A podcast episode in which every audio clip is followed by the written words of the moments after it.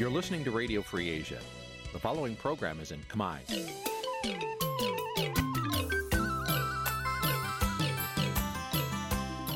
នេះជាកម្មវិធីផ្សាយ Vuthu Azizi Serai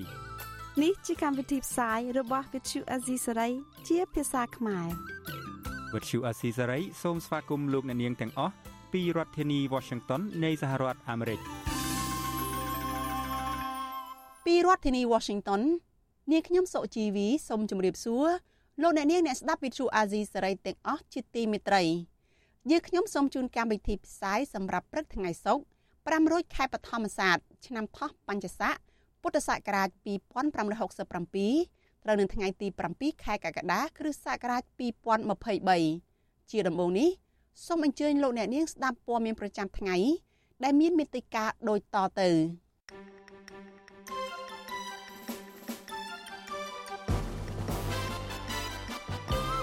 អង្គការអន្តរជាតិបន្តវាយតម្លៃថាការបោះឆ្នោតជាតិនៅថ្ងៃខាងមុខនៅតែខ្វះភាពសេរី និងយុត្តិធម៌ស្របពេលមានការរិះគន់កោជបរឿងចំណាយប្រាក់ជិត1លានដុល្លារទៅលើទឹកខ្មៅជ្រលក់ដៃសម្រាប់សម្ដីបណ្ឌិតកែមលីខណៈខួប7ឆ្នាំដែលឃាតករបាញ់សម្លាប់លោកកាន់តែខិតជិតមកដល់គ្រោះរាំងស្ងួតបំផ្លាញផលដំណាំពោតរបស់កសិកររាប់រយហិកតានៅខេត្តបៃលិន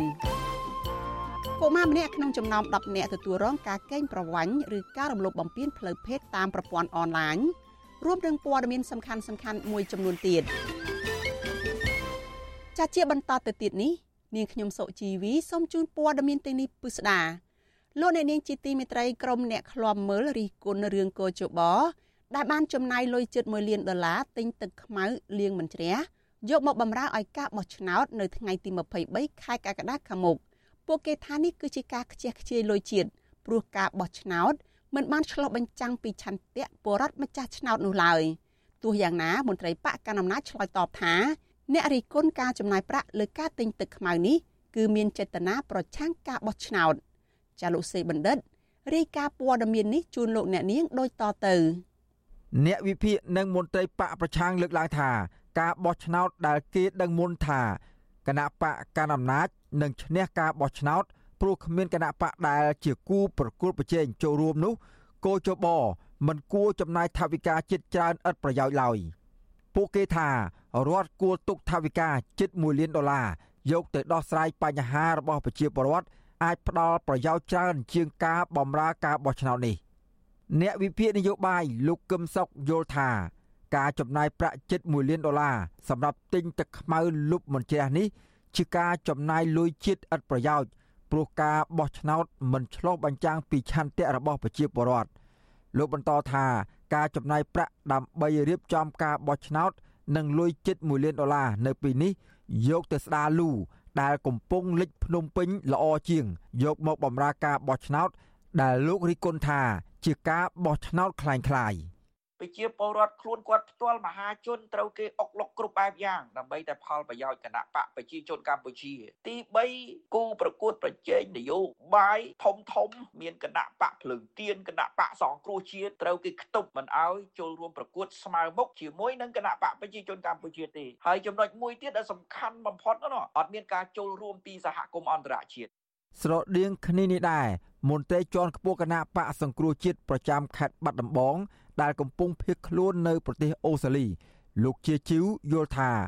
រដ្ឋគួរទុកលុយជិត1លានដុល្លារនេះចែកជូនប្រជាពលរដ្ឋក្រីក្រ ជាការល្អជាងយកទៅបម្រើការបោះឆ្នោតលោកបន្តថា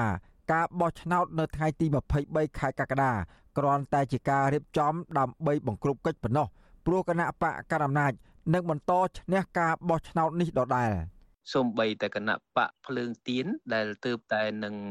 ទទួលបានការគ្រប់គ្រងនៅបោះឆ្នោតឆ្នាំ2022កន្លងទៅ ហើយនៅឆ្នាំ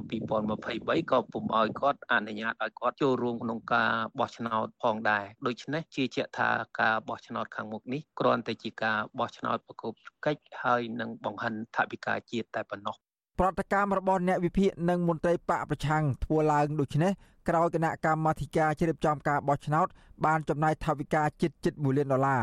ដើម្បីទិញទឹកខ្មៅជ្រលក់ដៃសម្រាប់បម្រើការបោះឆ្នោតពីប្រទេសឥណ្ឌាជុំវិញការលើកឡើងនេះវិទ្យុអាស៊ីសេរីនៅពុំទាន់អាចសុំការឆ្លើយតបពីអ្នកនាំពាក្យគណៈកម្មាធិការជ្រៀបចំការបោះឆ្នោតកោជបលោកហងពុធាបានទេនៅថ្ងៃទី6ខែកក្កដាទោះយ៉ាងណា ប្រធានកោជបលោកប្រាច័ន្ទ ថ្លែងអះអាងនៅក្នុងពិធីបង្ហាញគុណភាពទឹកខ្មៅលុបមិនជ្រះនៅថ្ងៃទី6កក្កដាថាការប្រើទឹកខ្មៅនេះដើម្បីធានាថាការបោះឆ្នោតខាងមុខប្រកបដោយភាពត្រឹមត្រូវស្មើភាពនិងយុត្តិធម៌និងជាសញ្ញាបញ្ជាក់ថាប្រជាពលរដ្ឋបោះឆ្នោតបានតែម្ដងប៉ុណ្ណោះ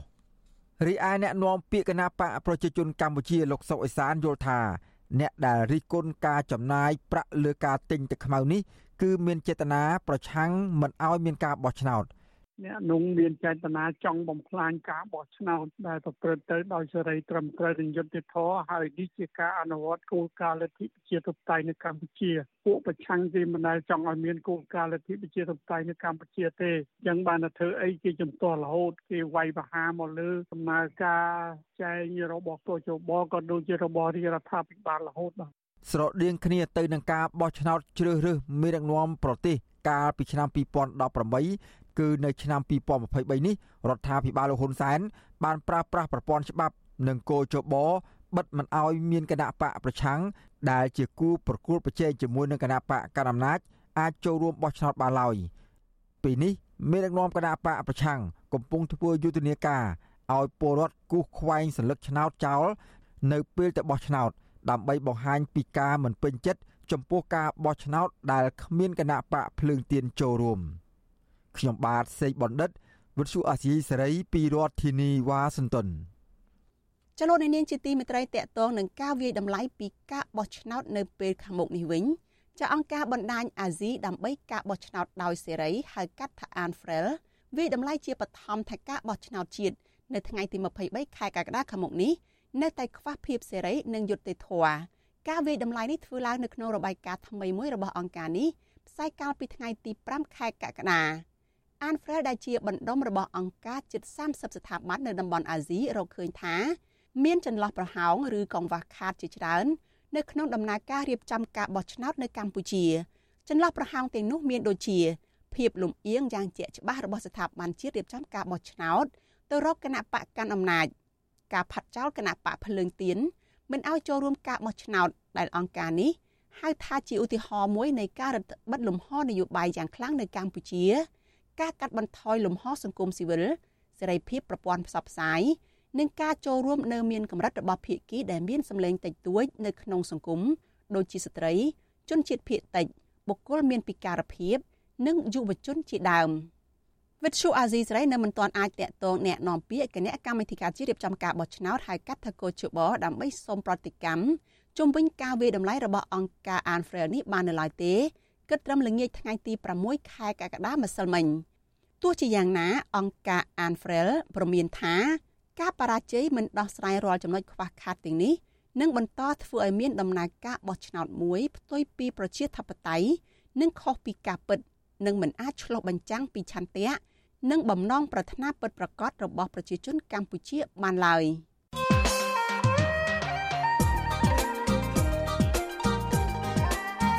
ក្រុមនៃវិភាគនឹងជាមនុស្សជិតស្និទ្ធជាមួយបណ្ឌិតកែមលីលើកឡើងថា បើទោះបីជាឃាតករបាញ់សម្លាប់បណ្ឌិតកែមលីអស់រយៈពេល7ឆ្នាំទៅហើយក្តី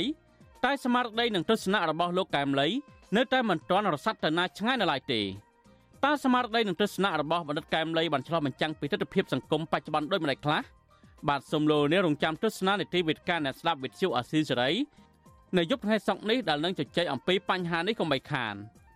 លោកនាងអាចសួរវាគ្មិនរបស់យើងឬបញ្ចេញមតិយោបល់ទាក់ទងនឹងប្រធានបទនេះ សូមដាក់លេខទូរស័ព្ទលោកនាងនៅក្នុងខ្ទង់ comment Facebook YouTube របស់វិទ្យុអាស៊ីសេរីនៅពេលផ្សាយផ្ទាល់នៅពេលនោះក្រុមការងាររបស់យើងនឹងហៅទៅលោកនាងវិញ បាទសូមអរគុណ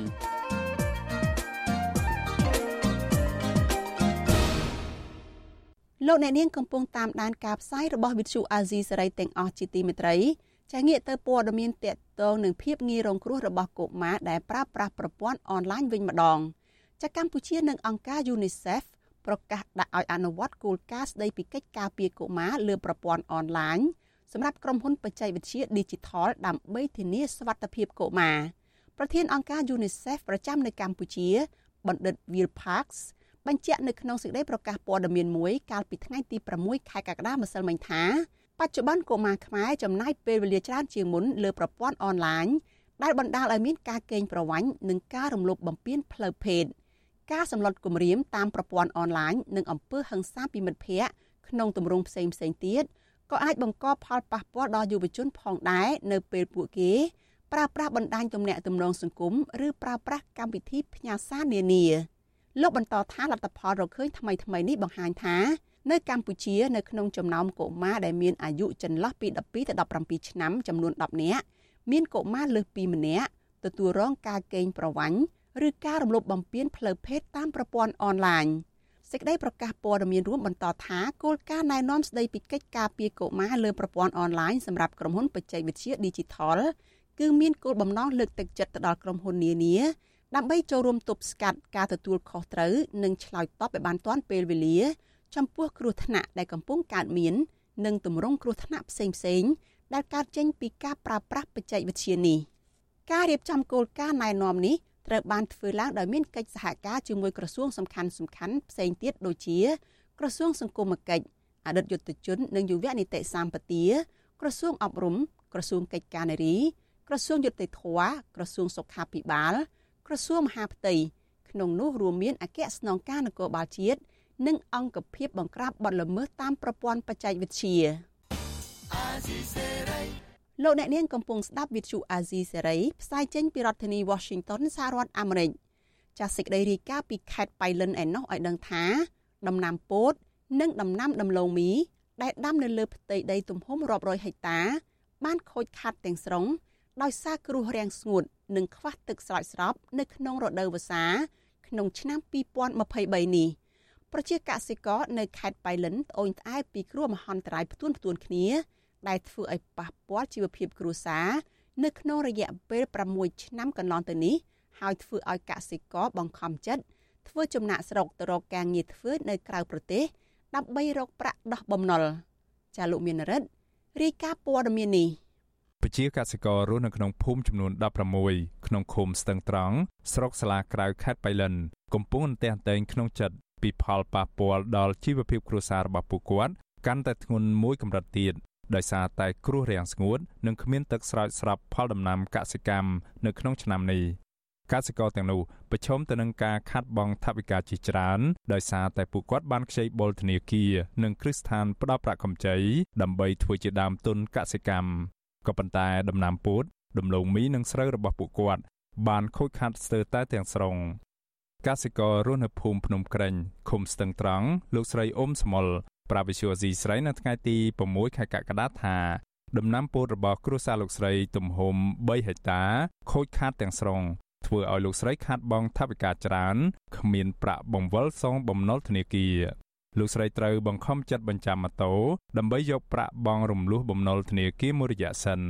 លោកស្រីបន្ថែមថាគ្រួសារលោកស្រី កំពុងពិចារណាឲ្យកូនឈប់រៀនដើម្បីធ្វើកម្មករស៊ីឈ្នួលគេ ជួយរកប្រាក់ដោះបំណុលគាត់ម្ដុំខ្ញុំរាប់រយហត្តាហើយគាត់ម្ដុំខ្ញុំមកនៅភូមិផ្សេងផ្សេងទៀតព្រោះអ្នកពោតខូចទាំងអស់ហ្មងអ្នកខ្លះដាំមកដោះពី3ដងនៅតែដូចថាភ្លៀងគ្រាស់មកអញ្ចឹងសង្ឃឹមថាភ្លៀងទៀតដាំទៅវាអត់ដោះពី3ដងអ្នកខ្លះដលងដាំអត់ដោះ6ឆ្នាំចុងក្រោយខ្ញុំអាដបងឆ្នាំដបងគេរាំងចឹងដែរបន្ទាប់មកភ្លៀងទឹកចំនួនខ្លាំងលិចភូមិលិចអីចលៀសដល់ថ្នាក់ចលៀសទៅនៅលើភ្នំលើអី គ្នា2ឆ្នាំចាកូវីដកូវីដ2ឆ្នាំដែរនេះហើយមើលនិយាយឆ្នាំហ្នឹងវាខ្លាំងជាងកូវីដទៀតកសិកររស់នៅស្រុកស្លាក្រៅខេត្តបៃលិនរងគ្រោះធម្មជាតិផ្ទួនផ្ទួនគ្នានៅរយៈពេល6ឆ្នាំកន្លងទៅនេះធ្វើឲ្យពួកគាត់ខាត់បងថវិកាជាច្រើនខ្លះត្រូវបង្ខំចិត្តធ្វើចំណាក់ស្រុកទៅប្រទេសថៃនិងខ្លះទៀតត្រូវលក់ដីស្រែក្នុងតម្លៃទាបជាងទីផ្សារដើម្បីរកប្រាក់ដោះបំណុល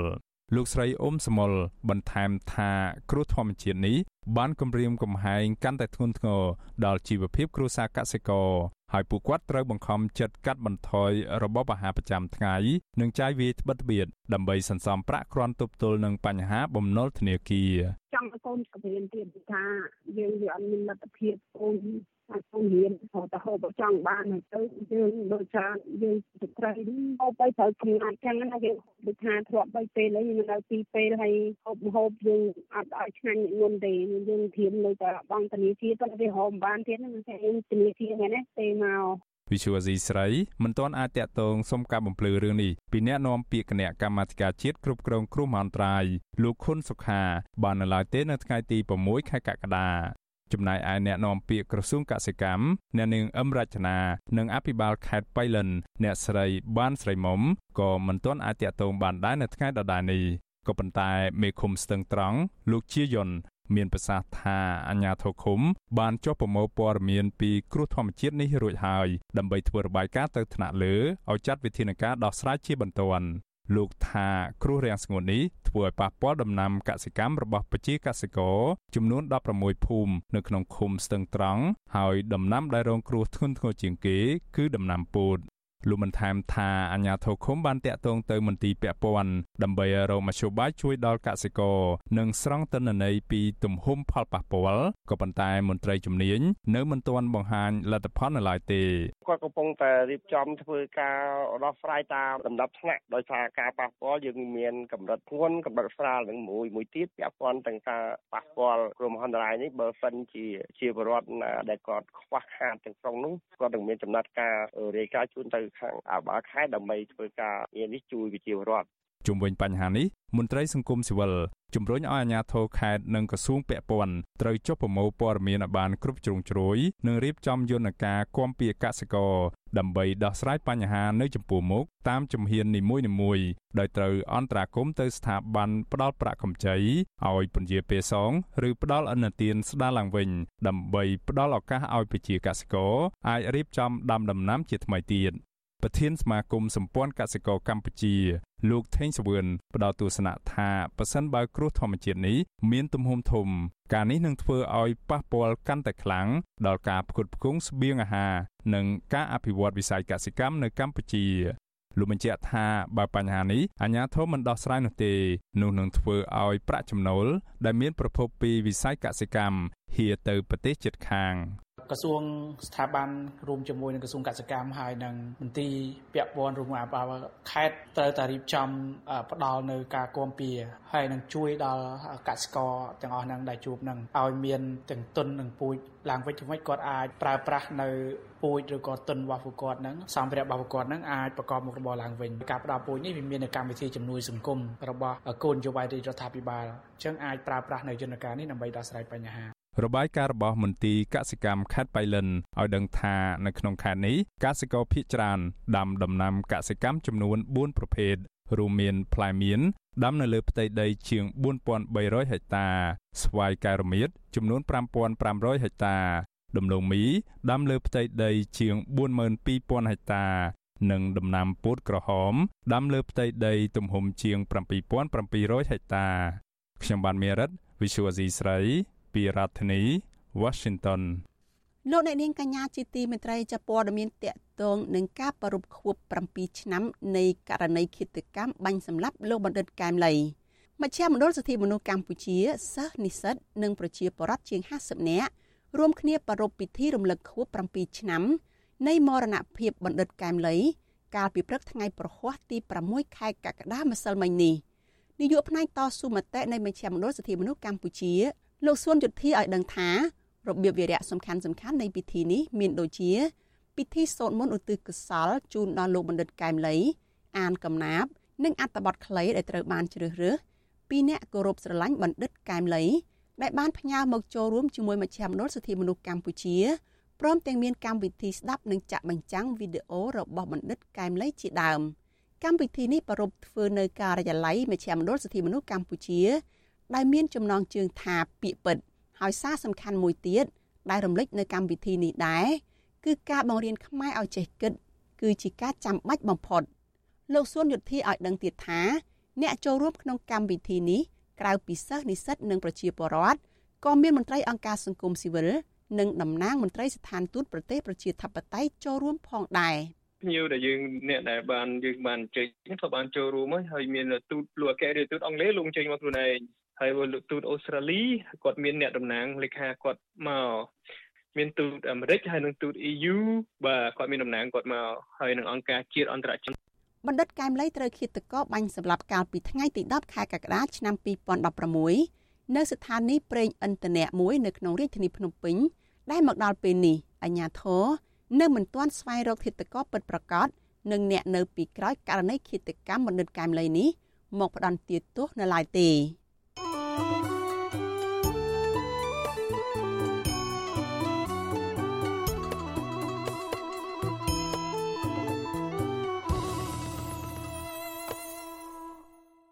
លោកអ្នកនាងកញ្ញាប្រិយមិត្តអ្នកស្ដាប់ជាទីមេត្រីចាស់ព័ត៌មានដាច់ដោយឡែកមួយទៀត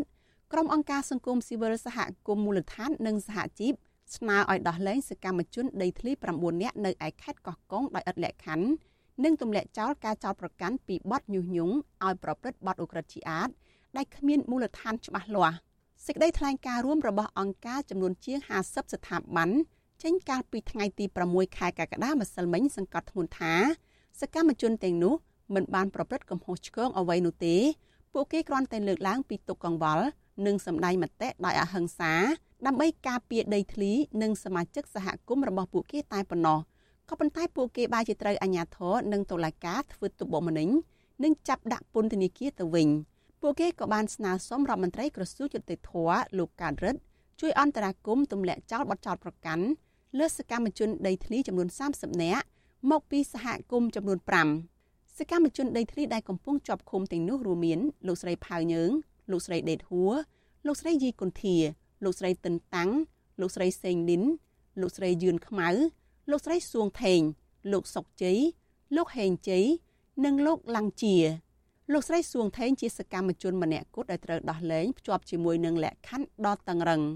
វិទ្យុអាស៊ីស្រីមិនអាចតាក់ទងរដ្ឋមន្ត្រីក្រសួងយុតិធធលោកកើតរិទ្ធដើម្បីសុំការបំភ្លឺជុំវិញញត្តិស្នើសុំនេះបានទេ កាលពីថ្ងៃទី6ខែកក្កដាម្សិលមិញដោយទូរស័ព្ទហៅចូលតែគ្មានអ្នកទទួលចំណែកអ្នកនាំពាក្យសាលាដំបងខេត្តកោះកុងលោកស៊ូសវណ្ណារាវិញ ក៏មិនអាចតាក់ទងបានដែរនៅថ្ងៃដដែលនោះក្រុមសកម្មជនដីធ្លីទាំងនេះបានតស៊ូទាមទារដីធ្លីរបស់ពួកគាត់មកវិញចាប់តាំងពីឆ្នាំ2006បន្ទាប់ពីក្រុមហ៊ុនរបស់អុកញ៉ាលីយ៉ុងផាត់និងលោកហេងហ៊ុយបានវិនិយោគដំណាំស្ករអំពៅនៅលើដីសហគមន៍របស់ពួកគេ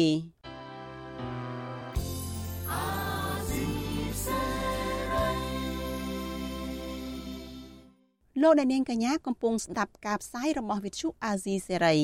ចាក្រមស្ត្រីថ្ងៃសុកនាំគ្នាលើកបដានិងស្រែកទាមទារជាថ្មី នៅខាងមុខស្ថានទូតនៃប្រទេសម៉ាឡេស៊ីនិងឥណ្ឌូនេស៊ីដើម្បីសនំពរឲ្យប្រទេសទាំងពីរនេះជួយអន្តរាគមន៍រដ្ឋាភិបាលលោកហ៊ុនសែនគោរពតាមកិច្ចព្រមព្រៀងសន្តិភាពទីក្រុងប៉ារីនិងដោះលែងអ្នកទោសនយោបាយមន្ត្រីសិទ្ធិមនុស្សយល់ថាសម្ពាធអន្តរជាតិនៅតែមានប្រសិទ្ធភាពលើរដ្ឋាភិបាលលោកហ៊ុនសែន ចាលូទីនសការីយ៉ារីកាព័ត៌មាននេះក្រមរពន្ធសកម្មជននិងមន្ត្រីគណៈបកប្រឆាំងបានចេញស្វែងរកការជួយអន្តរាគមន៍ជាថ្មីពីបណ្ដាស្ថានទូតបរទេសដែលជាប្រទេសម្ចាស់ហត្ថលេខីនៃកិច្ចព្រមព្រៀងសន្តិភាពទីក្រុងប៉ារីសក្រោយពីពួកគេអខានមិនបានចេញតវ៉ាអស់រយៈពេលជាង1ខែដោយសារតែជួបការខ្វះខាតផ្នែកជីវភាពតំណាងស្ត្រីថ្ងៃសុកលោកស្រីព្រំចន្ទថានិងជាប្រពន្ធរបស់សមាជិកក្រុមប្រឹក្សារាជធានីភ្នំពេញគណៈបកសង្គ្រោះជាតិ លោកកកកុម្ភាប្រាប់វិទ្យុអាស៊ីសេរីថាក្រុមលោកស្រីចំនួន8នាក់បានទៅតវ៉ាជាលើកទី3នៅមុខស្ថានទូតម៉ាឡេស៊ីនិងឥណ្ឌូនេស៊ីនៅថ្ងៃទី6កក្កដាដើម្បីតាមដានញត្តិដែលធ្លាប់ដាក់កន្លងមកនិងសុំជួបតំណាងស្ថានទូតទាំងពីរលោកស្រីបន្តថាមន្ត្រីស្ថានទូតទាំងពីរសុំលើកពេលជួបក្រុមលោកស្រីនៅពេលក្រោយដោយសារស្ថានទូតឥណ្ឌូនេស៊ីរវល់ធ្វើពិធីសាសនារីឯតំណាងស្ថានទូតម៉ាឡេស៊ីវិញក៏ជួបប្រជុំ។ បានស្រែកក្នុងនាមខ្ញុំជាប្រជាពលរដ្ឋមួយដែលរងទុកនឹងអំពើអយុត្តិធម៌បានគេចាប់ក្រុមគ្រួសារយកទៅដាក់ពន្ធនាគារដាក់កំហុសសោះអ្នកសិត5ឆ្នាំ7ឆ្នាំ8ឆ្នាំជាណាអ្នកខ្លះទោស10ឆ្នាំជាងក៏មានដែរអញ្ចឹងទោះជាខ្ញុំមិនបានជួបពួកគាត់ឬមន្ត្រីទូតក៏ខ្ញុំបានទៅបញ្ចេញសម្ដែងនៃថាកង្វល់ក្តីទុករបស់ខ្ញុំដើម្បីជាពលរដ្ឋដែលគាត់ធ្វើដំណើរតាមដងផ្លូវគាត់ដឹងថាគាត់ដឹងថាខ្ញុំមកដើម្បីអ្វីការស្វែងរកអន្តរាគមពីបណ្ដាស្ថានទូតបរទេស ដែលជាប្រទេសប្រកាន់របបប្រជាធិបតេយ្យរបស់ក្រុមស្ថិតខែសុកនេះនៅស្របពេលលោកហ៊ុនសែនបានប្រកាសជាច្រើនដងថាលោកនឹងមិនលើកលែងទោសឲ្យអ្នកនយោបាយណាម្នាក់ដែលត្រូវបានអន្តរជាតិអន្តរាគមស្នើឲ្យដោះលែងនោះឡើយយ៉ាងហោចណាស់នៅសល់អ្នកទោសនយោបាយប្រមាណជា60នាក់ទៀតបន្តជាប់ឃុំឃាំងខណៈពួកគេនៅតែរក្សាចំហររឹងមាំដដែលដោយមិនសំទោសលោកហ៊ុនសែនជាថ្នូវនឹងបានរួចខ្លួនដើម្បីបង្ហាញថាពួកគេជាជនរងគ្រោះពិតប្រាកដ ពីការបង្ក្រាបរបស់រដ្ឋាភិបាលលោកហ៊ុនសែនការរក្សាចំហររឹងមាំនេះគណៈសកម្មជននិងមន្ត្រីគណៈបកប្រឆាំងជាបន្តបន្ទាប់ថ្មីថ្មីនេះលោកហ៊ុនសែនបានស្នើសុំទៅព្រះមហាក្សត្រឲ្យលើកលែងទោសពួកគេហើយដោះលែងអ្នកទាំងនោះចេញពីពន្ធនាគារបន្ទាប់ពីអ្នកទាំងនោះដែលមានអ្នកខ្លះត្រូវបង្ខំចិត្តយល់ព្រមសំទោសលោកហ៊ុនសែនជាថ្នូវនឹងសេរីភាពបាននៅក្រៅឃុំនិងជួបជុំក្រុមគ្រួសារឡើងវិញជុំវិញនឹងការស្វែងរកកិច្ចអន្តរាគមន៍របស់ស្ត្រីថ្ងៃសុកនេះ អ្នកនាំពាក្យគណៈបកប្រជាជនកម្ពុជាលោកសុកអេសានលើកឡើងបែបចំអកថាគ្មានបរទេសណាមួយនឹងធ្វើតាមការស្នើសុំរបស់ក្រុមស្ត្រីថ្ងៃសុកទៅនេះឡើយដោយលោកអះអាងថា ជាការជៀតជ្រែកកិច្ចការផ្ទៃក្នុងរបស់កម្ពុជាមិនទទួលបានលទ្ធផលជាផ្លែផ្កាទេតែពីគ្រូបរទេសគេមិនអាចលូកដៃចូលកិច្ចការផ្ទៃក្នុងហើយបើលូកក៏រាជរដ្ឋាភិបាលមិនទទួលអើពើវការលូកដៃចូលកិច្ចការផ្ទៃក្នុងកម្ពុជាដែរ បើទោះបីជាលោកសុកអេសានអះអាងបែបនេះក្តីប៉ុន្តែជាក់ស្ដែងបណ្ដាប្រទេសប្រជាធិបតេយ្យធំធំរួមមានសហភាពអឺរ៉ុបសហរដ្ឋអាមេរិកចក្រភពអង់គ្លេសនិងអូស្ត្រាលីតែងតែបង្ហាញប្រតិកម្មជំវិញនឹងការធ្វើទុកបុកម្នេញគ្រប់រូបភាពលើអ្នកនយោបាយប្រឆាំងនិងសកម្មជនសិទ្ធិមនុស្សរួមទាំងជំរុញរដ្ឋាភិបាលលហ៊ុនសែនងាកមកដើរតាមរបបប្រជាធិបតេយ្យគោរពសិទ្ធិមនុស្សស្របតាមរដ្ឋធម្មនុញ្ញនិងច្បាប់អន្តរជាតិឡើងវិញ ចំណែកប្រធានអង្គការសម្ព័ន្ធភាពការពារសិទ្ធិមនុស្សហៅកាត់ថាច្រាក់លោករស់សុថាមើលឃើញថាបើទោះបីជាលោកហ៊ុនសែនប្រកាសទាំងកំហឹងហាមបរទេសលោកដៃយ៉ាងណាក៏ដោយប៉ុន្តែក្រមស្ត្រីថ្ងៃសុកស្វែងរកអន្តរាគមពីបរទេសនៅពេលនេះនៅតែមានប្រសិទ្ធភាពពីព្រោះបណ្ដាប្រទេសជាហត្ថលេខីនៃកិច្ចព្រមព្រៀងសន្តិភាពនៅក្នុងប៉ារីសទាំងនោះនៅតែអនុវត្តតាមទូននីតិរបស់ខ្លួនក្នុងការជួយឃ្លាំមើលនិងខ្វល់ខ្វាយពីដំណើរប្រជាធិបតេយ្យនៅកម្ពុជា ក្នុងករណីការនិយាយស្ដីចរចាមិនបានសម្រេចទេវាបន្ថែមឲ្យតាមមូលគេហៅមូលកូនសោអន្តឹងនៅគេហៅថាការគិតសង្កត់របស់ប្រទេសខាងក្រៅមកលើប្រទេសកម្ពុជាដូច្នេះវាអាចថាជាសម្ពាធមួយថែមទៀតឲ្យរដ្ឋាភិបាលចំចង់ក៏ត្រូវតែមានការសម្ដែងសម្បូរផងដែរណាប្រពន្ធសកម្មជនគណៈបកប្រឆាំងមួយរូបទៀតលោកស្រីទៀនចន្ទាដែលជាប្រពន្ធរបស់លោកវឿងសំណាង ដែលត្រូវបានអាជ្ញាធររដ្ឋាភិបាលលហ៊ុនសែនឃុំខ្លួនតាំងពីខែវិច្ឆិកាឆ្នាំ2021មកនោះបានលើកឡើងដែរថាលោកស្រីនៅតែបន្តចេញតវ៉ាទាមទាររយុទ្ធធរជន់ប្តីជាមួយក្រុមស្ត្រីថៃសក់ផ្សេងទៀតលោកស្រីបន្តថាអំឡុងពេលប្តីជាប់ឃុំឃាំងនេះលោកស្រីទទួលបន្ទុកក្នុងគ្រួសារតែម្នាក់ឯងគឺត្រូវដើររុញរទេះលក់ការ៉េមតាមផ្លូវក្នុងមួយថ្ងៃមួយថ្ងៃមានចម្ងាយជាង10គីឡូម៉ែត្រទៅ20គីឡូម៉ែត្រដើម្បីស្វែងរកប្រាក់ចំណូលចិញ្ចឹមកូនស្រីអាយុ9ឆ្នាំ ប្រាក់ចំណូលមួយចំនួនផ្ញើទៅឲ្យប្តីនៅក្នុងពន្ធនាគារនិងដើម្បីសន្សំទុកសងបំណុលធនាគារជាដើម។ហើយនឹងសង្ឃឹមថាគាត់នឹងនៅតែមានការជួយអន្តរាគមន៍មកដល់ក្រុមគ្រួសាររបស់ខ្ញុំដដែលអញ្ចឹងណាបងចា៎ក្រុមស្ត្រីថ្ងៃសុកនៅតែមានសង្ឃឹមថាសម្ពាធរបស់សហគមន៍អន្តរជាតិនឹងអាចធ្វើឲ្យលោកហ៊ុនសែនងាកទៅគោរពតាមស្មារតីកិច្ចព្រមព្រៀងសន្តិភាពនៅក្នុងប៉ារីសវិញដើម្បីបើកចំហសិទ្ធិសេរីភាពនិងការពារសិទ្ធិមនុស្ស ឲ្យបានពេញលេញនៅកម្ពុជាខ្ញុំបាទធីនសាការីយ៉ាអស៊ីសេរីប្រធានីវ៉ាស៊ីនតោនលោកអ្នកនាងកញ្ញាជាទីមេត្រីនៅឯខេត្តបាត់ដំបងប្រជាពលរដ្ឋជាង100គ្រួសារនៅក្នុងស្រុកថ្មគូលស្នើសុំការអន្តរាគមន៍ពីអាជ្ញាធរឲ្យបញ្ឈប់សកម្មភាពបូមខ្សាច់នៅការដ្ឋានខុសច្បាប់មួយកន្លែងដោយបារម្ភពីការប៉ះពាល់ទៅដល់លំនៅឋានរបស់ពួកគាត់សង្គមស៊ីវិលស្នើឲ្យអាជ្ញាធរគួរបង្កើតគណៈកម្មការចូលត្រួតពិនិត្យ ដើម្បីរកម្ចាស់ការដ្ឋាន និងអ្នកពាក់ព័ន្ធឲ្យមកទទួលខុសត្រូវចាប់ពីរដ្ឋធានី Washington អ្នកស្រីម៉ៅសុធានីមានសេចក្តីរាយការណ៍អំពីរឿងនេះប្រជាពលរដ្ឋរស់នៅតាមបណ្ដោយអូមួយកន្លែងស្ថិតនៅក្នុងភូមិចំនួន3នៃឃុំគោកឃ្មុំស្រុកថ្មគោលកំពុងបារម្ភអំពីការបាក់ស្រុតផ្ទះរបស់ពួកគាត់បន្ទាប់ពីមានអាជីវកម្មមួយកំពុងដំឡើងគ្រឿងចាក់បូមខ្សាច់ក្នុងអូនោះ ប្រដ្ឋនៅឃុំគោកឃ្មុំលោកត្រីប៉ាក់ខីប្រាប់វិទ្យុស៊ីស្រីនៅថ្ងៃទី6ខែកក្កដាថាលោកស្រីបារម្ភពីការបាក់ស្រុតលំនៅឋានក្រោយតែមានការដ្ឋានមួយហើយដែលប្រជាប្រដ្ឋមិនស្គាល់ឈ្មោះក្រុមហ៊ុន បានដំឡើងគ្រឿងចាប់មុំខ្សាច់ជាច្រើនគ្រឿងដែលបង្កើតឲ្យមានរណ្ដៅធំធំលោកស្រីបញ្ជាក់ថានៅពេលដែលមន្ត្រីសាលាស្រុកចុះទៅដល់អ្នកគ្រប់គ្រងការដ្ឋានអះអាងថាពួកគេកំពុងជីកស្ដារបន្លាយនោះទៅវិញ តែយ៉ាងណាលោកស្រីសង្កេតឃើញថាសកម្មភាពនោះគឺមិនមែនជាការជីកស្ដារបន្លាយនោះទេព្រោះជាការជីកខួងចុះទៅក្រោមគេនៅតែបន្តបន្តិចបន្តិចរបស់គេតែនេះឮថាចេះរដ្ឋបាលស្រុកថាគេឲ្យផ្អាហើយអត់មានកាយអូទៀតទេគេអត់ឲ្យកាយទេតែថ្ងៃនេះស្ងាត់អមៃខងដែរបងកាលពីថ្ងៃទី19ខែមិថុនាប្រជាពលរដ្ឋរស់នៅក្នុងភូមិចំនួន3រួមមានភូមិតាស្វាយភូមិច្រនៀងនិងភូមិតាមៀក នៅក្នុងឃុំគោកឃុំត្រុកថ្មគោជិត100គ្រួសារបាននាំគ្នាទៅតវ៉ានៅមុខសាលាឃុំនិងបន្តទៅសាលាស្រុកទៀតដើម្បីសុំឲ្យមន្ត្រីចុះទៅត្រួតពិនិត្យមើលការដ្ឋានបូមខ្សាច់ដែលកំពុងរៀបចំដំឡើងគ្រឿងចាក់និងម៉ាស៊ីនបូមខ្សាច់ខ្នាតធំដែលមានទីតាំងនៅត្រង់ចំណុចអូមួយកន្លែងហៅថាប្រឡាយលេខ2ដែលស្ថិតនៅត្រង់ចន្លោះភូមិទាំង3 បន្ទាប់ពីបានចុះទៅត្រួតពិនិត្យនៅកន្លែងការដ្ឋាន តាមបណ្ដឹងរបស់ប្រជាពលរដ្ឋរួចមកអាជ្ញាធរស្រុកថ្មគោលទទួលស្គាល់ថាការបូមខ្សាច់របស់ការដ្ឋាននេះពិតជាប៉ះពាល់ទៅលើផ្ទះសម្បែងដីធ្លីរបស់ប្រជាពលរដ្ឋជាច្រើនគូសាពិតប្រកបមែនខណៈដែលការដ្ឋាននេះពុំមានអាជ្ញាប័ណ្ណឬក៏លិខិតអនុញ្ញាតឲ្យធ្វើអាជីវកម្មបូមខ្សាច់នោះឡើយ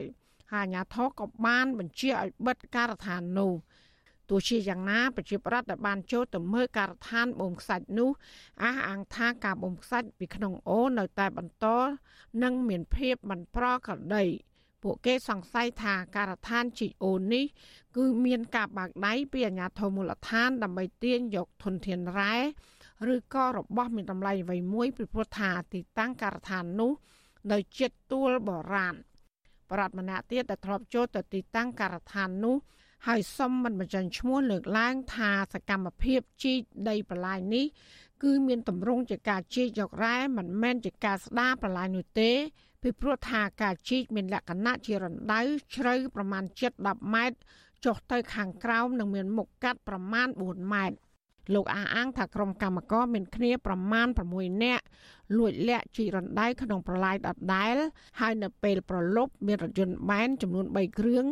ដឹកអាចដីចេញពីការដ្ឋានដែលមានគ្របតង់កស៊ូបិទជិតតែពិតទៅមិនមែនបូមខ្សាច់អានេះតាមក៏ពិតរួនដៅរ៉ែមាសរួនដៅរ៉ែរត់ក៏ដោយរៀបដាក់គម្រោងហ្នឹងប៉ុន្តែកាយដូចលក្ខក្រុមហ៊ុនចិន ពីជីកដាក់ម៉ាស៊ីនចូលបូមទៅបណ្ដោយបងលុយតែទៅមកលមុំលោជ្រូគេដាក់ម៉ាស៊ីនបូមបុកម៉ាស៊ីនបូមទៅបណ្ដោយគេដាក់ម៉ាស៊ីនចូលទៅបូមយកបណ្ដោយមិនមែនបូមខ្សាច់ដូចបូមជារ៉ែបណ្ដោយបងនេះតែកតិនរឿងនេះអភិបាលស្រុកថ្មគោលលោកជាសម្បត្តិប្រាប់វិជ្ជាស៊ីស្រីយ៉ាងខ្លីថាលោកមិនបានដឹងថាការដ្ឋាននោះនៅតែបន្តសកម្មភាពនោះទេហើយលោកក៏មិនបានប្រាប់អំពីអត្តសញ្ញាណម្ចាស់ការដ្ឋាននោះដែរ ចំណែកឯប្រធានមន្ត្រីរ៉ែនិងធម្មពលខេត្តបាត់ដំបងគឺលោកអៀនមៀកប្រាប់ថាក្រសួងរ៉ែនិងធម្មពលមិនបានផ្ដល់អាជ្ញាប័ណ្ណឲ្យក្រុមហ៊ុនណាមួយបូមខ្សាច់ឬក៏ជីកយករ៉ែនៅទីតាំងឃុំគោកឃុំស្រុកថ្មគោលនោះឡើយគោកឃុំតំបន់នោះដូចមានរ៉ែអីផងតើអត់ដឹងបាទទោះបីជាបែបនេះក្តីប្រជាប្រដ្ឋនៅចិត្តទីតាំងការដ្ឋានអះអាងថាថៅកែដែលចុះមកត្រួតពិនិត្យការដ្ឋានជីអូនោះ គឺជាជនជាតិចិនអ្នកសម្រាប់សម្រួលផ្នែកខ្លំមើលការរំលោភសិទ្ធិមនុស្សនៃអង្គការលីកាដូប្រចាំខេត្តបាត់ដំបងលោកអិនកុងជាតិយល់ឃើញថារដ្ឋាភិបាល គួរបង្កើតគណៈកម្មការអន្តរក្រសួង ដើម្បីត្រួតពិនិត្យឲ្យបានម៉ត់ចត់និងត្រូវសិក្សាពីផលប៉ះពាល់សង្គមនិងបរិស្ថានក្នុងតំបន់នោះជាមុនសិនមុនសម្រាប់អនុញ្ញាតឲ្យមានការធ្វើអាជីវកម្ម ជាមួយគ្នានេះលោកក៏ជំរុញអាជ្ញាធរខេត្តបាត់ដំបងនិងមន្ទីររ៉ែនិងធម្មពលគួរតែបញ្ឈប់អាជីវកម្មបូមខ្សាច់ឬរ៉ែនេះដើម្បីការពារកុំឲ្យប៉ះពាល់ទៅលើប្រជាពលរដ្ឋហើយបើសិនជាក្រុមហ៊ុននៅតែរឹងទទឹងមិនដកគ្រឿងចាក់ចេញមិនបញ្ឈប់សកម្មភាពនោះមន្ត្រីនៃមន្ទីរឧស្សាហកម្មរ៉ែនិងធម្មពលគួរតែប្តឹងករណីនេះទៅតុលាការដើម្បីធ្វើការចោទប្រកាន់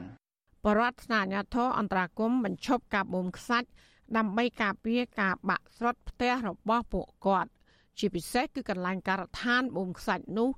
នៅជិតទួលបរានដែលធ្វើពួកគាត់បារម្ភពីការលួចជីកកាយដើម្បីរកវត្ថុមានតម្លៃ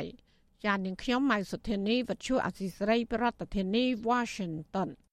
លោកអ្នកនាងជាទីមេត្រីព័ត៌មានជាបន្តទៅទៀតនេះចាតកតងទៅនឹងជនជាតិចិនមួយចំនួនដែលកំពុងរស់នៅលើទឹកដីកម្ពុជាវិញម្ដងអ្នកតាមដានស្ថានភាពនយោបាយនៅកម្ពុជាលើកឡើងថាជនជាតិចិនដែលមានកំភ្លើងប្រើប្រាស់នៅកម្ពុជា អាចជាប់ពាក់ព័ន្ធជាមួយមន្ត្រីរដ្ឋាភិបាលនិងអ្នកមានអំណាចមួយចំនួន ដែលជួយសម្រួលឲ្យពួកគេអាចចរាចរអាវុធខុសច្បាប់សម្រាប់ប្រើប្រាស់នៅកម្ពុជា ការលើកឡើងនេះធ្វើឡើងបន្ទាប់ពីជនជាតិចិនម្នាក់នៅរាជធានីភ្នំពេញ ផឹកស៊ីស្រវឹងដកកាំភ្លើងបាញ់ជាច្រើនគ្រាប់នៅតាមទីសាធារណៈកាលពីពេលថ្មីថ្មីនេះអ្នកវិភាគនយោបាយលោកកឹមសុខប្រាប់វិទ្យុអាស៊ីសេរីកាលពីថ្ងៃទី6ខែកក្កដាម្សិលមិញថាអ្នកចំនួនជនជាតិចិនមួយចំនួនដែលមានឈ្មោះជាអក្រិតជនចូលមករកស៊ីនៅកម្ពុជាត្រូវបានរដ្ឋាភិបាលលោកហ៊ុនសែនរហូតដល់មានអ្នកខ្លះត្រូវតែងតាំងជាជំនួយការផ្ទាល់របស់លោកហ៊ុនសែនថែមទៀតផងលោកថាចំណុចនេះអាចជាភ័ស្តុតាងមួយដែលឆ្លុះបញ្ចាំង ថាជនជាតិចិនដែលមានកាំភ្លើងប្រើប្រាស់កាន់កាប់នៅក្នុងដៃមិនត្រឹមតែទទួលបានកិច្ចគាំពៀពីរដ្ឋាភិបាលប៉ុណ្ណោះទេប៉ុន្តែក្រុមជនជាតិចិនមួយចំនួនដែលមករកស៊ីបែបលៀងលុយកខ្វក់នៅកម្ពុជាក៏នឹងទទួលបានកិច្ចគាំពៀពិសេសពីក្រុមមនុស្សជិតស្និទ្ធនឹងលោកហ៊ុនសែននិងពីរដ្ឋាភិបាលរបស់លោកផ្ទាល់ដែរ។ ហើយអ្នកមានអំណាចនៅភ្នំពេញហ្នឹងសម្រួលឲ្យជនជាតិចិនទាំងនោះមានសញ្ជាតិជាខ្មែរហើយថែមទាំងផ្ដល់ឲ្យជនជាតិចិនទាំងឡាយណាមានសក្តានុពលលុយងងឹតវ៉លលានដុល្លារคล้ายទៅជាមន្ត្រីយោធា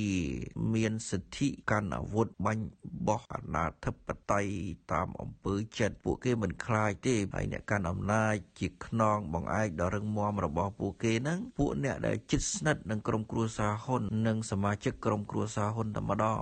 ប្រតិកម្មរបស់អ្នកឃ្លាំមើលបែបនេះធ្វើឡើងបន្ទាប់ពីជនជាតិចិនមួយចំនួននៅកម្ពុជា នៅតែមានកាំភ្លើងប្រើប្រាស់បាញ់បោះដោយសេរីជាក់ស្ដែងកាលពីយប់រំលងអត្រាតចូលថ្ងៃទី5ខែកក្កដាជនជាតិចិនម្នាក់ក្នុងស្ថានភាពស្រវឹងស្រាបានដកកាំភ្លើងបាញ់រះទៅលើមេឃជាច្រើនគ្រាប់ស្ថិតនៅតាមបណ្ដោយផ្លូវសហព័ន្ធរុស្ស៊ីក្នុងសង្កាត់កាកា2ខណ្ឌពោធិ៍សែនជ័យរាជធានីភ្នំពេញ ប៉ុន្តែក្នុងហេតុការណ៍នោះមិនបានបណ្ដាលឲ្យមាននរណាម្នាក់រងគ្រោះឡើយវិទ្យុអាស៊ីសេរីនៅមិនទាន់អាចតាក់ទងអធិការនគរបាលខណ្ឌពោធិ៍សែនជ័យលោកមនវុធី អ្នកនាំពាក្យអគ្គនាយកនៃអគ្គនាយកដ្ឋានអន្តោប្រវេសន៍លោកកៅវ៉ាន់ថននិងអ្នកនាំពាក្យក្រសួងមហាផ្ទៃលោកខៀវសុភ័ក្រដើម្បីសាកសួរអំពីរឿងនេះបាននៅឡើយទេ កាលពីថ្ងៃទី6ខែកក្កដាកាលពីខែមិថុនាឆ្នាំ2022កន្លងទៅសមត្ថកិច្ចខេត្តប្រសិទ្ធនុ បានឃាត់ខ្លួនមេខ្លោងដែលនាំចូលអាវុធមកកម្ពុជាចំនួន6នាក់និងរឹបអូសបានកាំភ្លើងវែងខ្លីសរុប42ដើមអាវុធកែច្នៃព្រមទាំងកាំភ្លើងជាច្រើនគ្រាប់និងឧបករណ៍ជួសជុលកាំភ្លើងមួយចំនួនធំស្នងការនគរបាលខេត្តប្រសិទ្ធនុលោកជួននរិនធ្លាប់ប្រាប់វិទ្យុអាស៊ីសេរីថាអាវុធមួយចំនួនមានឈ្មោះទុច្ចរិតនៅក្នុងស្រុកកំងទិញពីជនខិលខូចដឹកជញ្ជូនឆ្លងដែនតាមប្រទេសជិតខាងចូលមកកម្ពុជាខណៈឈ្មោះខ្លះទៀត កំងទិញពីជនខិលខូចនៅក្នុងស្រុក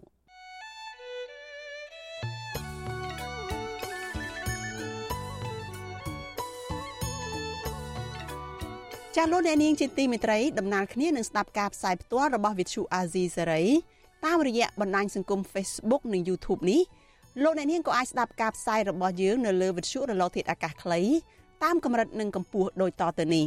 ពេលព្រឹកចាប់ពីម៉ោង5កន្លះដល់ម៉ោង6កន្លះ តាមរយៈ post SW 12.14 MHz ស្មើនឹងកម្ពស់ 25m និង post SW 13.71 MHz ស្មើនឹងកម្ពស់ 22m ពេលយប់ចាប់ពីម៉ោង7កន្លះដល់ម៉ោង8កន្លះតាមរយៈ post SW 9.89 MHz ស្មើនឹងកម្ពស់ 31m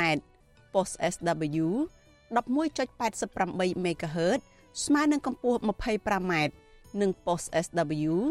12.14 MHz ស្មើនឹងកម្ពស់ 25m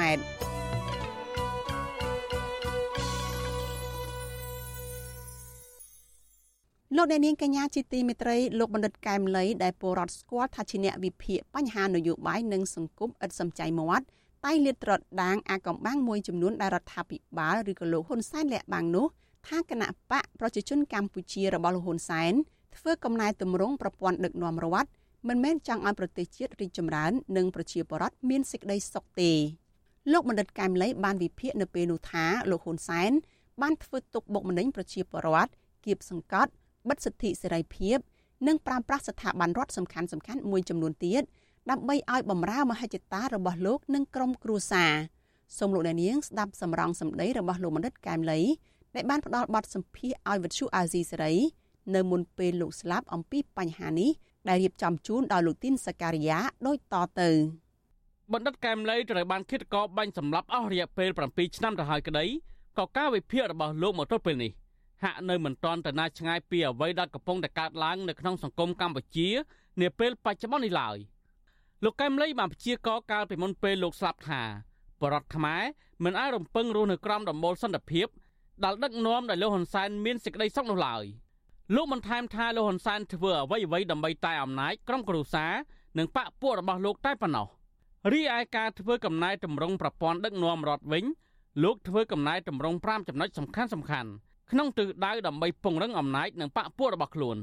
ទី1កំណែតម្រង់ការបោះឆ្នោតគោលបំណងដើម្បីគ្រប់គ្រងនៅលើដៃខ្លួន ទី2កំណែតម្រង់រៀបចំកោជបអីដើម្បីខ្លួនអាចត្រួតត្រាបាន ទី3កំណែតម្រង់នឹងដើម្បីខ្លួនឈ្នះមិនមែនកំណែតម្រង់ផ្សេងទេទី4កំណែតម្រង់ដើម្បីខ្លួនអាចបន្តកាន់អំណាចបានបន្តទៅទៀតទី5គឺកំណែតម្រង់ដើម្បីឲ្យប្រព័ន្ធទាំងមូល ទាំងតុលាការទាំងសភាកោជបស្អីនឹងអាចត្រួតត្រាបានហើយរហូតដល់ត្រួតត្រាបរមរាជវាំងទៅទៀតនោះបសោក្រសួងបសោគណៈបករបស់ខ្លួននឹងទៅត្រួតត្រានឹងទៀតអញ្ចឹងមិនមែនមានន័យថាគណៈបកប្រជាជនមានសុឆន្ទៈដើម្បីកំណែតម្រង់ឲ្យមានការបោះឆ្នោតមួយសេរីយុត្តិធម៌ហើយអាចទទួលយកបានទាំងអស់គ្នាហើយកុំឲ្យមានបញ្ហាក្រោយបោះឆ្នោតទេមិនខុសអ្វីពីបណ្ឌិតកែមលីដែលធ្លាប់បានអះអាងនេះឡើយលោកហ៊ុនសែនមិនត្រឹមតែធ្វើត្រាប្រជាពលរដ្ឋមិនឲ្យងើបឬបំរាស់នោះទេ សូម្បីតែព្រះមហាក្សត្រក៏លោកហ៊ុនសែនគៀបសង្កត់ដែរលោកហ៊ុនសែនធ្លាប់បានអះអាងថាទោះជាម៉ែស្ដេចឪស្ដេចក៏លោកមិនខ្លាចដែរនៅត្រង់ចំណុចនេះអតីតទីប្រឹក្សាលោកនាយរដ្ឋមន្ត្រីហ៊ុនសែនគឺលោកបណ្ឌិតស៊ូណារ៉ូដែលបច្ចុប្បន្នលោកមានតួនាទីជារដ្ឋមន្ត្រីអមប្រតិភូនាយរដ្ឋមន្ត្រីបានរៀបរាប់នៅមុនពេលលោកចោះចូលជាមួយរដ្ឋាភិបាលថាលោកហ៊ុនសែនជាមនុស្សឆេវឆាវហើយលោកហ៊ានធ្វើអ្វីអ្វីគ្រប់បែបយ៉ាងដែលមនុស្សគ្រប់គ្នាមិនហ៊ានធ្វើដោយលោក គ្មានអ្នកណាហ៊ានជាងហ៊ុនសែនទេហ៊ុនសែនហ៊ានអ្វីទាំងអស់គឺថាហ៊ានរហូតដល់ថារំលាយបកប្រឆាំងទាំងមូលអត់ខ្លាចមនុស្សរាប់លានអ្នកងើបឡើងផងបាទហើយចង់ចាប់អ្នកណាចង់ធ្វើអីក៏បានដែរលោកហ៊ុនសែនបានដឹកនាំប្រទេសកម្ពុជាជិត40ឆ្នាំមកនេះលោកមានអំណាចហើយហ៊ានធ្វើអ្វីអ្វីគ្រប់បែបយ៉ាង តែលោកមិនខ្វល់អំពីសុខទុក្ខរបស់ប្រជាពលរដ្ឋនោះឡើយក្រៅតែពីលោកហ៊ុនសែនគៀបសង្កត់រដ្ឋបတ်សិទ្ធិសេរីភាពប្រជាពលរដ្ឋនោះ របបរបស់លោកបានលុបបឹងបួរទោះជានៅក្រៅក្រុងឬក្នុងក្រុងក្តីសម្រាប់អ្នករស់នៅទីក្រុងភ្នំពេញវិញ បច្ចុប្បន្ននេះកំពុងតែរងទុក្ខដោយសារតែទឹកភ្លៀងជន់លិចទីក្រុង ដែលធ្វើឲ្យប្រជាពលរដ្ឋខូចខាតទ្រព្យសម្បត្តិនិងមិនអាចប្រកបអាជីវកម្មអ្វីបានក៏ប៉ុន្តែលោកហ៊ុនសែនហាក់មិនខ្វល់អំពីបញ្ហាទាំងនេះឡើយលោកនៅតែប្រឹងឃោសនាបោះឆ្នោតហើយអួតអាងអំពីការដឹកនាំរបស់លោកតែមួយមុខ តែមិនបានដោះស្រាយពីទុកកង្វល់របស់ប្រជាពលរដ្ឋជាពិសេសបញ្ហារំដោះទឹកចំនួនទឹកភ្លៀងចេញពីទីក្រុងភ្នំពេញនេះតែម្ដងកលតិស័កឥឡូវនេះបើទោះបីជាទឹកចំនួនបានលិចដល់បន្ទប់គេងឬចង្ក្រានបាយរបស់ប្រជាពលរដ្ឋទៅហើយក្តីតែប្រជាពលរដ្ឋនៅទីក្រុងភ្នំពេញហាក់បីដូចជាស្ងប់ស្ងាត់មិនហ៊ានងើបឡើងតវ៉ាទាមទាររដ្ឋាភិបាលចេញមុខដោះស្រាយបញ្ហាស្ទះលូដែលធ្វើឲ្យមានចំនួនទឹកភ្លៀងលិចលង់នេះដោយកាលពីមុនឡើយ កាលពីលោកបណ្ឌិតកែមលីនៅមានជីវិតលោកធ្លាប់ដឹកនាំបរដ្ឋសម្ដេចមតិបានខ្លះនៅពេលមានបញ្ហាអ្វីដែលមិនប្រក្រតីកើតឡើងដូចជាថ្ងៃសកពណ៌ខ្មៅជាដើមដើម្បីសម្ដែងមតិនិងទាមទារឲ្យដោះលែងមន្ត្រីអង្គការសង្គមស៊ីវិលនិងសកម្មជនដីធ្លីដែលរបបលោកហ៊ុនសែនចាប់ដាក់ពន្ធនាគារកាលនោះលោកបណ្ឌិតកែមលីបានផ្ដាយផ្ដាំទៅលោកហ៊ុនសែនថាបើសិនជាធ្វើមេដឹកនាំខ្លាចការសម្ដែងមតិនោះ គួរតែលោកហ៊ុនសែនទៅជ្រើសរើសមុខរបរ ដាំដំឡូងវិញទៅប្រសើរជាង។ ការសម្ដែងមតិការជួបជុំគ្នាដោយសន្តិវិធីរបៀបនេះប្រសិនបើខ្ញុំជារដ្ឋាភិបាលខ្ញុំផ្ដល់ការសហការខ្ញុំផ្ដល់ការកោតសរសើរហើយមិនត្រឹមតែផ្ដល់ការកោតសរសើរពីរដ្ឋាភិបាលទេត្រូវស្នើដល់ព្រះមហាក្សត្រឲ្យមានការកោតសរសើរទៅទៀតពីព្រោះអីគាត់ចំណាយលុយទិញអាវខ្មៅគាត់ចំណាយថវិកាទៅចូលរួមថ្ងៃក្តៅដើម្បីសម្ដែងមតិឲ្យយើងលឺហើយកាលណាយើងលឺទោះបីជាវិជ្ជមានក្តីទោះបីអវិជ្ជមានក្តីយើងយកមកសង្យោគដើម្បីយើងមានពន្លឺនៅក្នុងការដោះស្រាយបញ្ហាឬក៏ឫសគល់នៃបញ្ហា ហើយដូចខ្ញុំបានសរសេរក្នុង page របស់ខ្ញុំអញ្ចឹងខ្ញុំថាបើយើងធ្វើនយោបាយបើយើងធ្វើគណៈបកនយោបាយហើយយើងខ្លាចការសម្ដែងមតិយើងខ្លាចការជួបជុំពលរដ្ឋរបស់ពលរដ្ឋដែលសម្ដែងឲ្យយើងឮយើងគួរតែជ្រើសរើសមុខល្អដាំដលងវាប្រសើរជាងបណ្ឌិតកែមលីបានលើកឡើងទៀតថាលោកហ៊ុនសែនមិនមែនជាមេដឹកនាំកម្ពុជាដោះស្រាយបញ្ហានោះទេតែលោកជាមេដឹកនាំពូកែខាំអង្ក្រាប ទោះជាលោកហ៊ុនសែនពូកែខាងបង្ក្រាបជាងការដោះស្រាយបញ្ហាបែបនេះក្តីតែលោកបណ្ឌិតកែមលីបញ្ជាក់ថាពុំមែនមានន័យថាអាចបង្ក្រាបបរដ្ឋឲ្យនៅស្ងៀមបានឡើយការដឹកនាំប្រទេសយើងត្រូវតែសម្លឹងឬក៏កំណត់បញ្ហាឲ្យបាន ហើយបញ្ហានោះឬគល់នៃបញ្ហាអីគេត្រូវទៅដោះស្រាយឬគល់នៃបញ្ហាខ្ញុំឧទាហរណ៍ដូចជាគុតង៉ែតដែលវាយំ គឺមានន័យថានៅពេលដែលកូនង៉ែតនោះហេវឬមួយក៏កូនង៉ែតនោះពេលសម្ោចខំអញ្ចឹងយើងរមើលសម្ោចឲ្យបេះសម្ោចនឹងចេញយើងយកមើលទឹកដោះគោដើម្បីដាក់ឲ្យកូនង៉ែតនោះញ៉ាំ អាហ្នឹងបានក្មេងនឹងបាត់យំក៏ប៉ុន្តែនៅពេលដែលយើងឃើញក្មេងយំហើយយើងចង់យកកភ្លើងយើងចង់យកដបងយើងចង់យកដៃយកមកទះកភ្លៀងសួរថាតើក្មេងនោះបាត់យំទេគឺមិនបាត់យំទេផ្ទុយទៅវិញការបង្ក្រាបបដកម្មតាក់ទងទៅនឹងសហជីពយើងឃើញការបង្ក្រាបច្រើនណាស់ក៏ប៉ុន្តែការធ្វើបដកម្មកាន់តែច្រើនឡើងច្រើនឡើង ទី2រឿងបញ្ហាដីធ្លីបញ្ហាសិទ្ធិលំនៅឋាន សួរថាតើក្នុងរយៈពេល5ឆ្នាំ10ឆ្នាំនេះនៅពេលដែលយើងប្រើប្រាស់កម្លាំងបង្ក្រាបសួរថាបាត់ទេ នៅពេលដែលយើងមិនដោះស្រាយឬគល់នៃបញ្ហាឬក៏មូលហេតុនៃបញ្ហាឆ្លើយតបនឹងការលើកឡើងរបស់លោកបរិទ្ធកែមលីនៅមុនពេលលោកត្រូវបានឃាតករបាញ់សម្លាប់នេះអ្នកនាំពាក្យគណៈបកប្រជាជនកម្ពុជាលោកសុកអេសាន បានថ្លែងការពីលោកហ៊ុនសែនកាលពីថ្ងៃទី6កក្កដាថាអ្វីដែលមនិតកែមលីបានលើកឡើងនេះ មិនឆ្លុះបញ្ចាំងពីការពិតនិងត្រឹមត្រូវតាមផ្លូវច្បាប់ឡើយអូកែមលីនេះក៏ជាអ្នកប្រឆាំងនឹងរដ្ឋាភិបាលដែរអញ្ចឹងការនិយាយរបស់គាត់នេះមិនជាក់ស្ដែងទេมันពិតណាអាមិនជាក់ស្ដែងវាមិនពិតវាមិនជាការពិតខ្ញុំជួបកែមលីច្រើនដងហើយនិយាយទៅមកអត់មានផ្អែកទៅលើគោលការណ៍ច្បាប់ទេទោះជាលោកសុកអេសានអះអាងបែបនេះក្តីប៉ុន្តែការលើកឡើងរបស់មនិតកែមលីនេះហាក់មិនខុសទៅនឹងអ្វីដែលកំពុងតែកើតឡើងនាពេលបច្ចុប្បន្ននេះឡើយ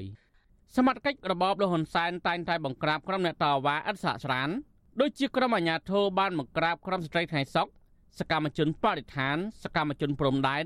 និងក្រុមកោតក្រនガវលជាដើមបញ្ហានេះមន្ត្រីកែមលីបានលើកឡើងថាមូលហេតុចម្បងដែលធ្វើឲ្យរបបលោកហ៊ុនសែនគៀបសង្កត់ប្រជាពលរដ្ឋមិនបន្ធូរដៃបែបនេះក៏អាចមកពីប្រជាពលរដ្ឋនិងក្រុមបញ្ញវន្តមានរូបរួមគ្នាដែរបញ្ហានេះលោកបណ្ឌិតកែមលីបានអំពាវនាវ នៅមុនពេលលោកស្លាប់ថាល្មមដល់ពេលក្រុមបញ្ញវន្តងើបឈរឡើងដើម្បីតតាំងនឹងអំណាចជិះជាន់ផ្ដាច់ការបែបនេះហើយខ្មែរយើងរាល់ថ្ងៃនេះមិនខ្វះធនធានមនុស្សទេធនធានមនុស្សច្រើនណាស់បញ្ញវន្តច្រើនណាស់នៅក្នុងរដ្ឋាភិបាលនៅផ្នែកឯកជនប៉ុន្តែដូចខ្ញុំធ្លាប់ឲ្យជាពាក្យស្លោកមួយចឹងគេថា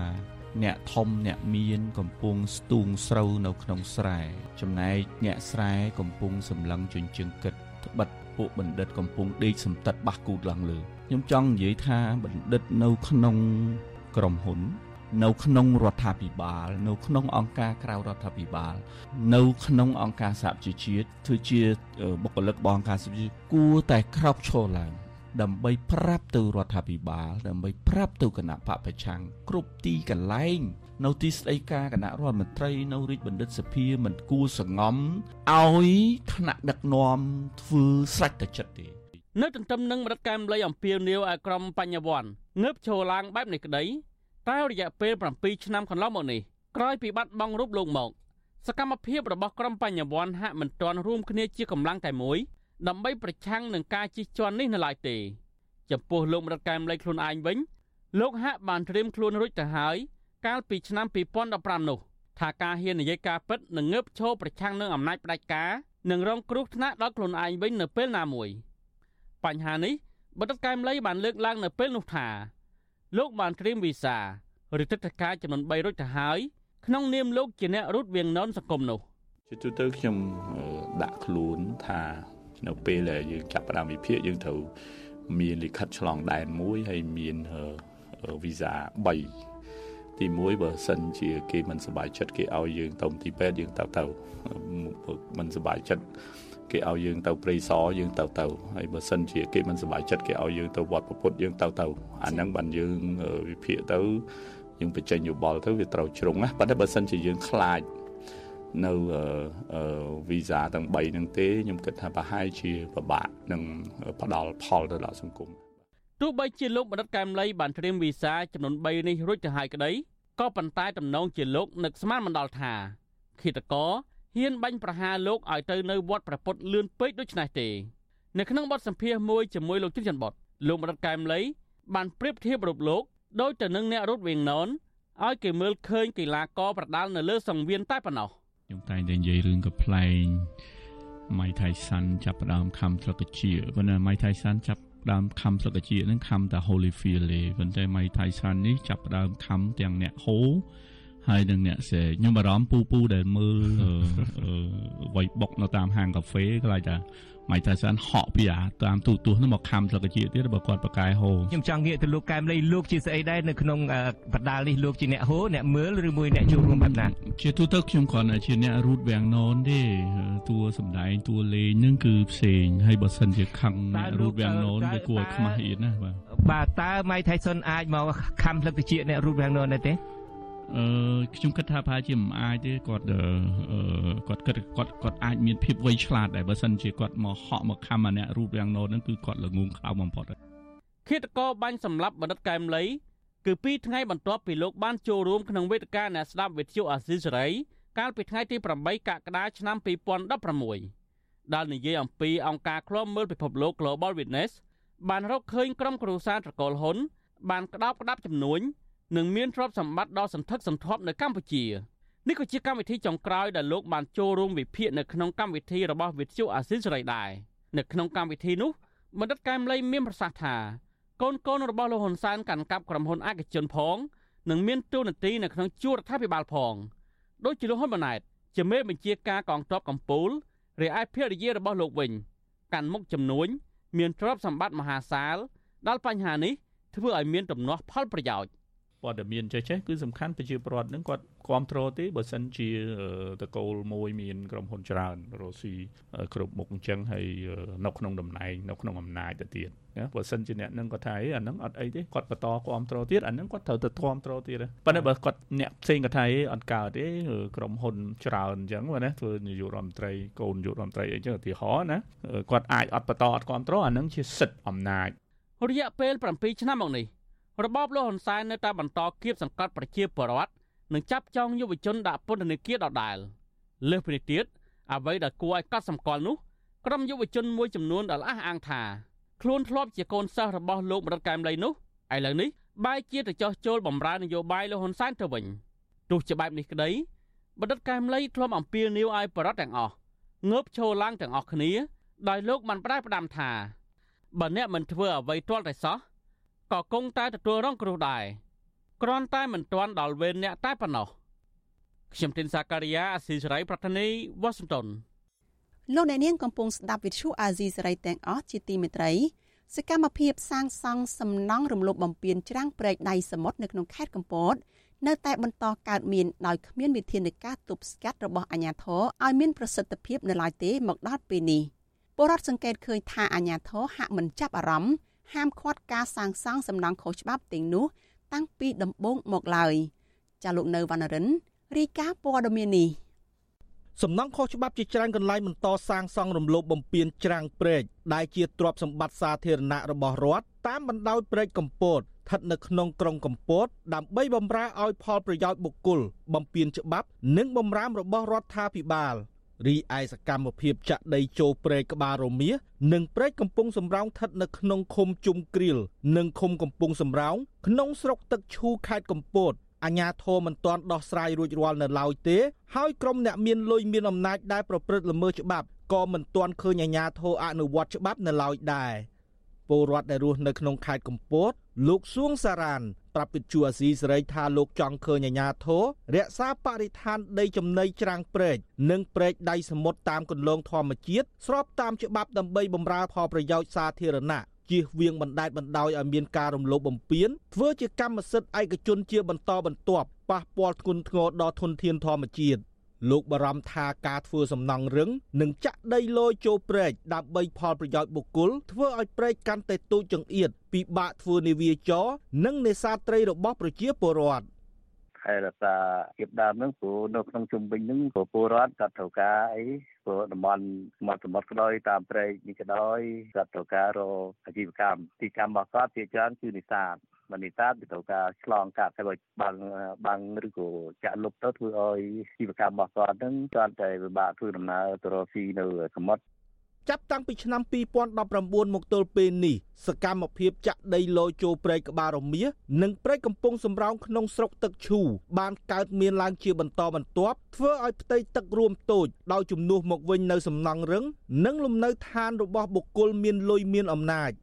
ពលរដ្ឋរស់នៅក្នុងភូមិកំពង់សំរោងខេត្តកំពតថ្លែងសុំមិនបញ្ចេញឈ្មោះដោយសង្កេតឃើញថាក្រុមអ្នកមានលុយមានអំណាចបានទិញដីតាមបណ្ដោយមាត់ព្រែកហើយបានចាក់លយចូលទៅព្រែកជាបន្តបន្ទាប់ប្រវែងទទឹងចន្លោះពី4ម៉ែត្រទៅ20ម៉ែត្រនិងបណ្ដោយពី30ទៅជាង100ម៉ែត្រ រីឯដីចំណីមាត់ច្រាំងតាមបណ្ដោយព្រៃកម្ពតក្នុងក្រុងកម្ពតក៏មានការសាងសង់សំណង់យ៉ាងរឹងមាំយ៉ាងហោចណាស់10កន្លែងដោយគ្មានការហាមឃាត់ពីដំបូងនោះឡើយ។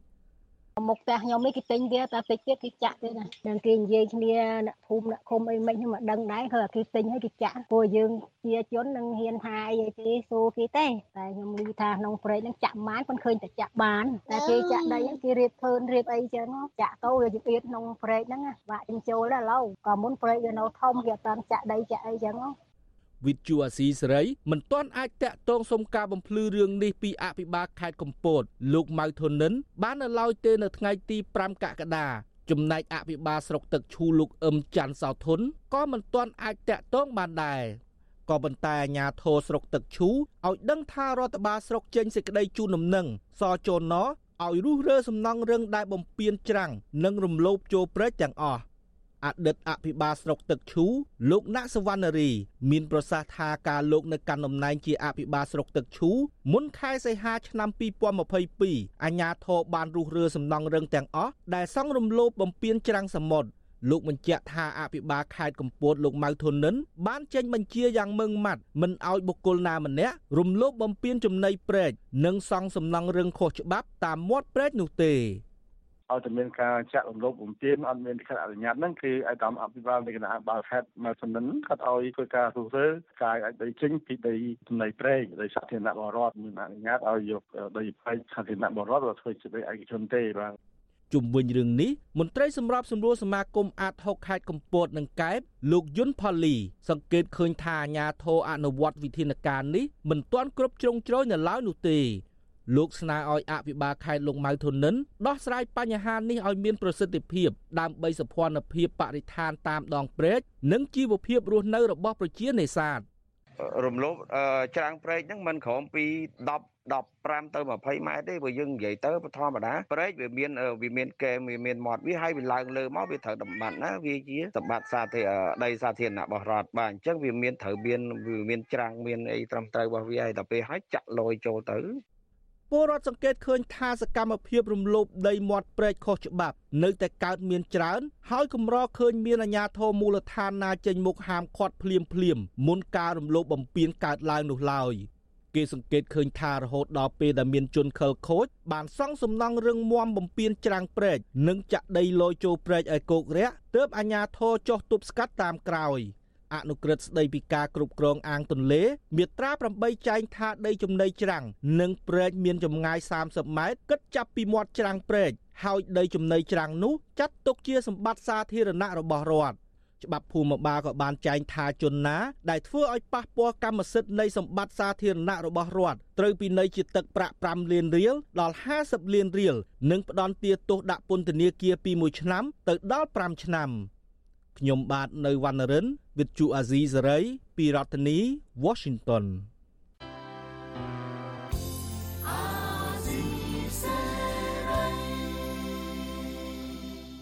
លោកអ្នកនាងកញ្ញាប្រិយមិត្តអ្នកស្ដាប់ជាទីមេត្រីការផ្សាយរយៈពេល1ម៉ោងរបស់វិទ្យុអាស៊ីសេរីជាភាសាខ្មែរនៅព្រឹកនេះចាប់ត្រឹមតែប៉ុណ្ណេះនាងខ្ញុំសុជីវីព្រមទាំងក្រុមការងារទាំងអស់នៃវិទ្យុអាស៊ីសេរីចាសសូមអរគុណដល់លោកអ្នកនាងដែលតែងតែមានភក្ដីភាព ចំពោះការផ្សាយរបស់យើងហើយតែងតែស្ដាប់វិទ្យុអាស៊ីសេរីជារៀងរាល់ថ្ងៃ